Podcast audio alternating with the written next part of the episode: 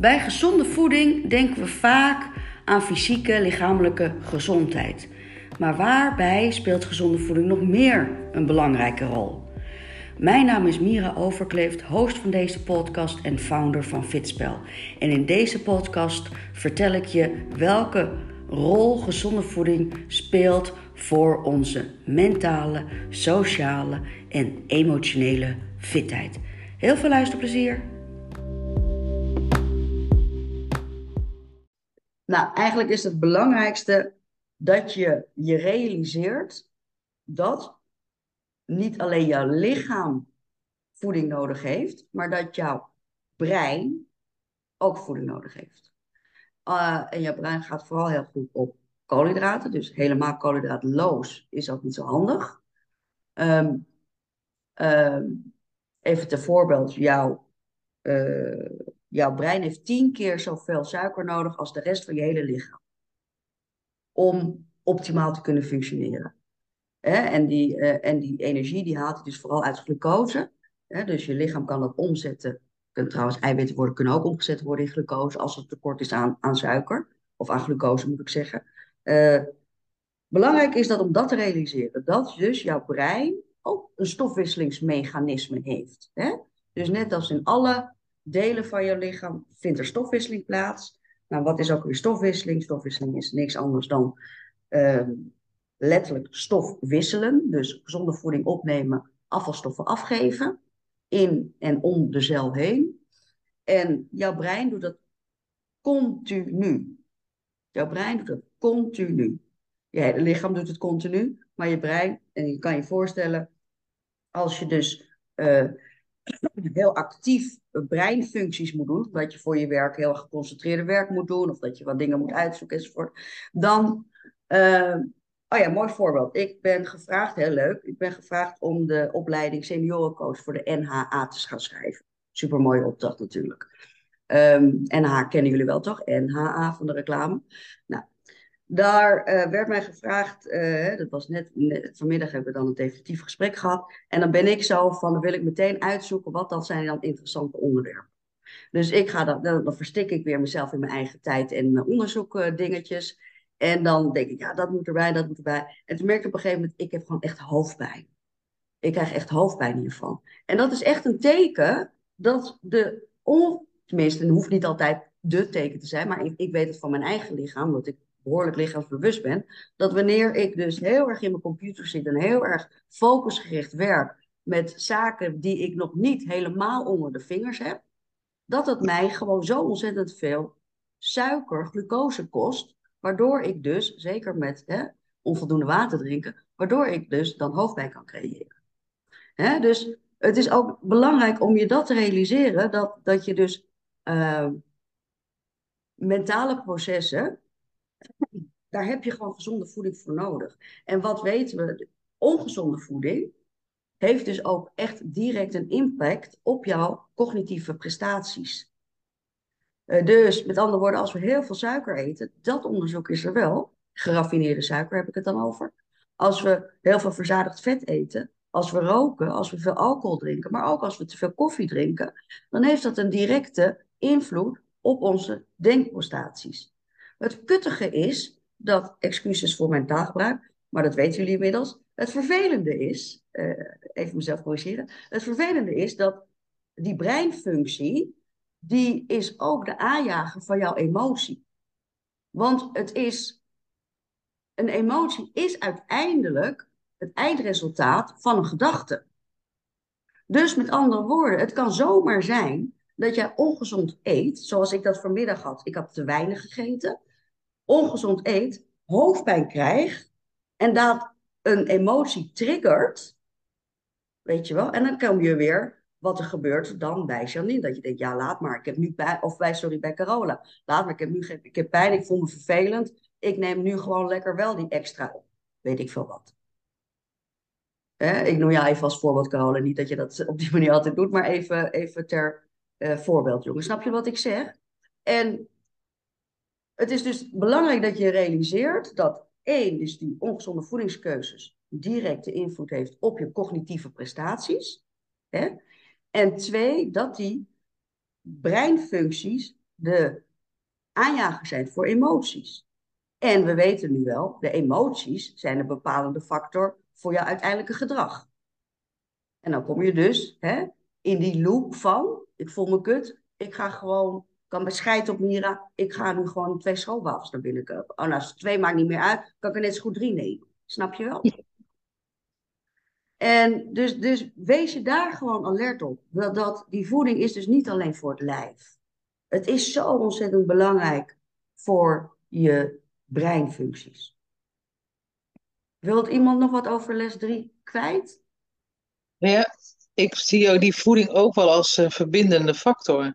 Dat, ehm, ja, weet je, eh, als je met mensen iets sociaals gaat doen, dan uh, is voeding vaak iets wat bindt. Zeker. En, nou ja, en dat, doe je, uh, dat is wat lastiger, vind ik lastiger, om dat met hele gezonde hapjes te doen. Ja. Dat, ja, dat taartje, of die, dat is altijd wel leuk, weet je, dat appeltaartje. En, ehm, dus dat, dat, dat is wel een onderdeel van, van voeding. En dat, uh, wat, wat ik een lastig ding vind. Al als je het los zou laten, hè. Want uh, bij elkaar gaan zitten en je hebt niet iets extra's. Hè, als je, dat voelt een beetje kaal. Ja, en je ja. zegt dat goed, dat voelt kaal. Het is ja. niet kaal, dat voelt kaal. Nee, het voelt kaal. Ja. ja, snap je wel? Dus omdat jij dus in jouw leven een bepaalde betekenis hebt gegeven aan gezelligheid, hoort dat appeltaartje bij. Dus het voelt voor jou kaal, omdat je jezelf het hebt aangeleerd. Het is niet kaal, het voelt kaal. Ja. En omdat jij dus die emotie aanwakkert, emotie leidt tot bepaald gedrag, ga jij dus denken van ja, het is niet zo gezellig als ik dat taartje niet aan mijn gasten aanbied. Of wat zullen ze wel wat niet denken? Ik heb niet eens een lekker taartje. Of wat is die Yvonne Karig? Ik ben gewend om 20, 30, 40, 50 jaar, als ik bij Yvonne eet, lekker toetje te krijgen. En nu krijg ik niks. Nu krijg ik alleen een koffie. He, snap je dus? Het voelt karig, omdat jij jezelf dat hebt aangeleerd. Ja. De vraag is, ben je bereid om dat gevoel te onderzoeken? Dus ik zeg niet dat je nooit meer een taartje mag serveren aan je gasten of voor jezelf. Ik wil je uitdagen om na te denken, ben ik bereid om die overtuiging die ik zelf heb gecreëerd, voeding is gezelligheid, wat overigens absoluut is. Iedereen kent het avondmaal van Da Vinci. Voeding is verbinding. Ja, dat is waar. Maar de, wat jij net zei, daar hoort dan, dat, dat lukt dan niet helemaal met gezonde producten. Ben ik het 100% mee oneens. Ben ik het 100% mee oneens. En ja, ga je meer calorieën eten? Ja, misschien wel. Dat is ook een keuze. Maar dat het niet gezond hoeft te zijn, is absoluut pertinent onwaar. Voor mij, in mijn visie. Weet je wel? Dat is mijn gevoel. Want ik kan jou een maaltijd verzorgen onder de uitgebreide maaltijd, onder de 800, 900 calorieën, met alleen maar gezonde producten. Weet je wel? En ja, tuurlijk, als je uh, normaal één hoofdmaaltijd eet en nu neem je een drie gangen menu, uh, menu ga je creëren voor je gasten. Dat vind ik altijd leuk, om dan meer gangen menu te maken. Ja, tuurlijk zijn het dan meer calorieën. Hè? Maar je kan, ik heb bijvoorbeeld laatst portobello, zo'n grote paddenstoel met groenten gevuld en wat blauwe kaas. Hoeveel calorieën zijn dat? Misschien 100. Weet je wel? Dat is een heel goed voorafje. Dus, het, het dus de, de, de, de uitdagende vraag hier bij jou, Yvonne, is, is, is niet zozeer uh, wie heeft er gelijk, maar is ook weer hier, hè, gaat ook hier weer om van, kan ik betere keuzes maken? Durf ik, of uh, ik heb het voor morgen met Gerda over gehad, voel je je veilig genoeg om je oude aangeleerde, zelf aangeleerde en vaak ook door buitenwereld uh, gereinforceerde overtuigingen, om daar anders naar te kijken. En dat heeft te maken met veiligheid. Want als jij besluit om dat niet te doen, dan komt er andere dingen bij. Hè? Besluit jij nou eens uh, geen uh, uh, cheesecake als toetje te maken, hè? ik zeg maar wat. Of, of misschien zelfs helemaal geen toetje te geven. Dan komen er andere elementen bij, namelijk communicatie. Weet je wel? Ga je dat van tevoren tegen je vrienden zeggen? Ga je dat tijdens het etentje zeggen? Hoe gaan ze erop reageren? Hoe zullen ze me wel niet vinden? Hoe denken ze over mij dan? Hoe denk ik over mezelf? Snap je wel? Denk er eens over na. Maar dat voeding een verbindende factor is, 100%. Maar dat dat niet zou kunnen met andere keuzes, dat betwijfel ik. Als jij jaar in jaar uit gewend bent dat kaas super lekker is en dat je daar ehm, dat het makkelijk is, ja, dan blijft het gewoon in je systeem. Hè? Dus ook weer het aanleren van andere opties, die zijn er natuurlijk wel. Ehm, en daarbij helpt het natuurlijk dat je dan ook weet waarom je dan die andere optie zou nemen. Snap je wel? Ja. Het ding is alleen dat we het lastig vinden en, en vaak. Kaas is ook echt zo'n product wat makkelijk snel gaat, weet je wel? En wil je dan een boterham met hutekezen lekker maken? Ja, vind ik lekker als er rucola onder ligt, hutekezen, een beetje zout en peper en een beetje honing. Is meer werk dan die plakkaas erop gooien, snap je? Dus um, dat, dat, dat vooral, maar dan komt het weer bij. Gun ik mezelf die lekkere, gezondere boterham. Snap je wel? Dus ook, het zijn altijd die kleine dagelijkse routine kwesties die het verschil maken.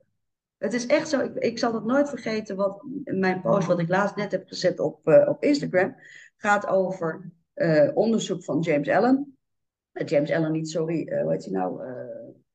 nou, ik ben even de naam kwijt. Van het boek heet Anatomic Habits. Prachtig boek. Super interessant om te lezen. Anatomic Habits. En die zeggen precies eigenlijk wat ik altijd zeg over waarom we kiezen voor persoonlijk leiderschap in plaats van een dieet. De eerste wat de meeste mensen doen, is kijken naar het resultaat.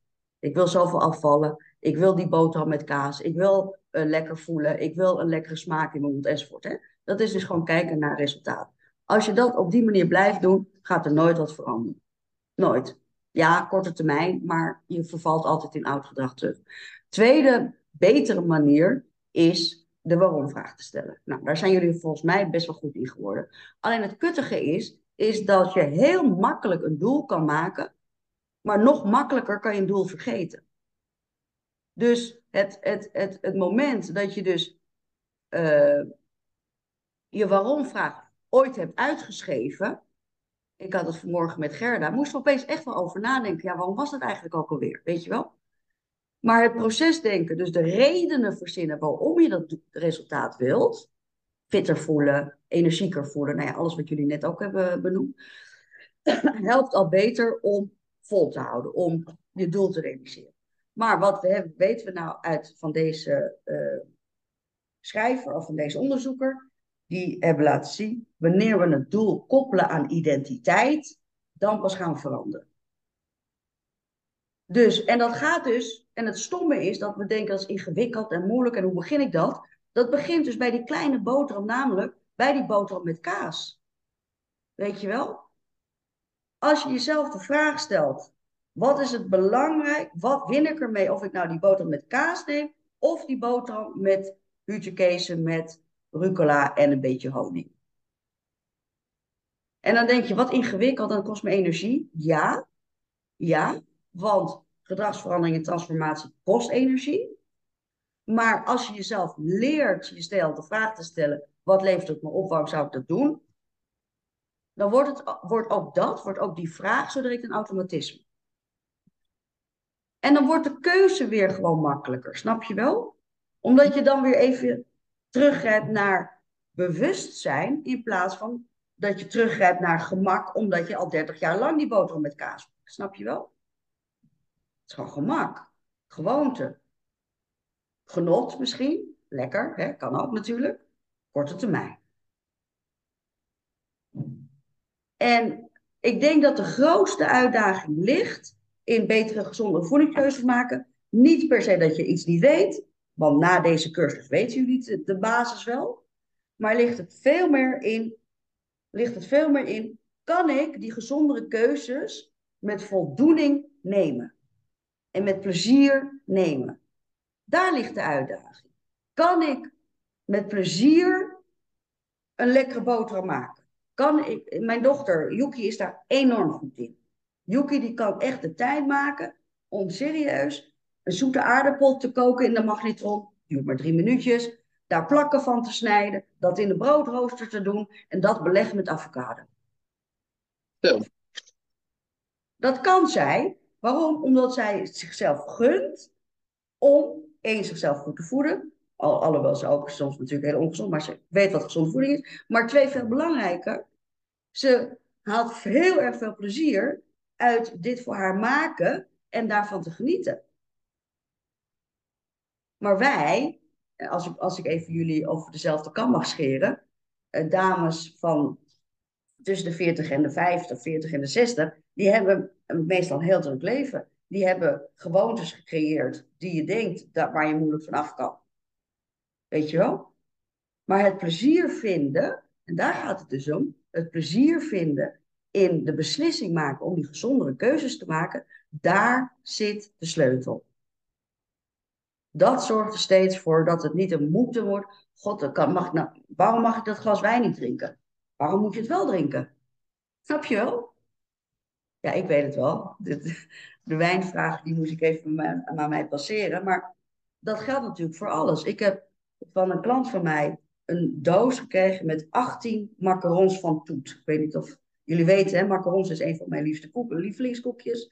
Toet is ook nog echt een hele lekkere banketbakkerij uh, uit Amsterdam. Zij kwam met me voor mijn verjaardag.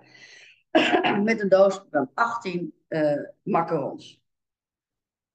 Ik moest echt, want zo, uh, ik moest me echt bedwingen om niet meteen één in mijn mond te stoppen. Uitpakken en meteen, weet je wel? Uitpakken en meteen uh, proeven. Dus nee, ik moest mezelf bedwingen. Die doos die kreeg ik maandag om mijn verjaardag. Het is nu donderdag. En de doos heb ik er maar vier uitgegeten. Voor mijn doen is dat echt heel knap. Voor de macarons, want ze zijn echt super lekker. En dat is alleen maar door deze vraag. Hoeveel plezier haal ik er nu uit om er nog één te nemen? Wat levert me op om er nog één te nemen? Nou, antwoord. Geef jezelf ook antwoord, hè? Antwoord. Gewoon lekker. Gewoon genot. Weet je wel, dat is mijn antwoord op dit koekje. Hè? Op andere situaties is het gewoon vergeten, gewoon luiheid, gemakkelijkheid. Wees eerlijk hè, voor jezelf. Gewoon genot is hierop het antwoord.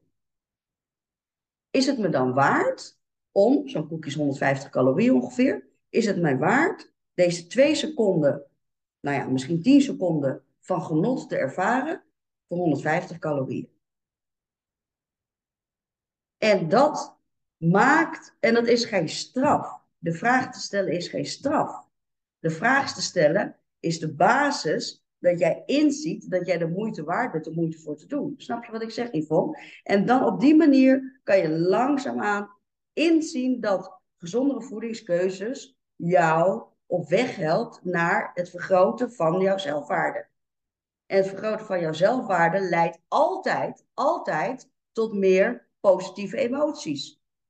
En emoties zijn de bepaler voor jouw gedrag. En we weten allemaal dat als je je supergoed voelt, kan je veel makkelijker dat gebakje laten staan dan wanneer je stress hebt en je kut voelt. Snap je wel? Dus het start bij die bewustzijn en je het jezelf gunnen om de moeite te doen. En dat is best wel een rare manier van denken, want je denkt dat het je gunt, dat je jezelf mag gunnen om die extra macaron te nemen. Maar je mag het je gunnen om moeite voor jezelf te doen. Snap je wel? En, uh, nou ja, dat. Ik wil eigenlijk een beetje stoppen, als jullie het uh, oké vinden. Ja, ik wilde net zeggen, ik ga afhaken, want ja. uh, er zitten er hier een paar op mij te wachten. We zouden nog iets gaan kijken, dus uh, ja, ja, ja. Ik, ga, ik ga daaruit. Maar ik vond het hartstikke interessant. Dankjewel voor alle informatie. Tot de volgende keer, jongens. Maak de les. Ja, dankjewel. Probeer even het weekend te pakken om in te halen als je een beetje achterloopt. Uh, en wat je begrijpt hoe belangrijk het is dat je die les hebt gemaakt, zodat we dat ook de volgende meeting weer hier kunnen bespreken. En dat je het even nog meer persoonlijk kan maken.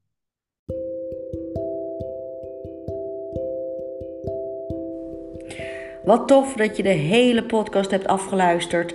En ik hoop echt, echt, echt dat je weer een beetje wijzer bent geworden. En dat je inziet dat gezonde voeding niet alleen maar is voor een gezond lichaam. Maar ook zo een belangrijke rol vervult voor jouw emotionele, sociale en mentale fitheid. Ik hoop dat je ermee aan de slag gaat. Je luisterde naar een fragment uit onze masterclass uh, die ik gaf binnen onze Keep Going community. Hier doen de communityleden de cursus in vijf stappen een gezond voedingspatroon, welke wordt ondersteund door masterclasses en Q&A's. En tijdens deze cursus leren leden niet alleen welke betekenis we een gezonde voeding mogen geven, maar vooral ook hoe ze dat hun eigen leven, um, ja, in hun eigen leven kunnen integreren, eigen kunnen maken. Al onze cursussen zijn gratis voor onze Keep Going Community leden.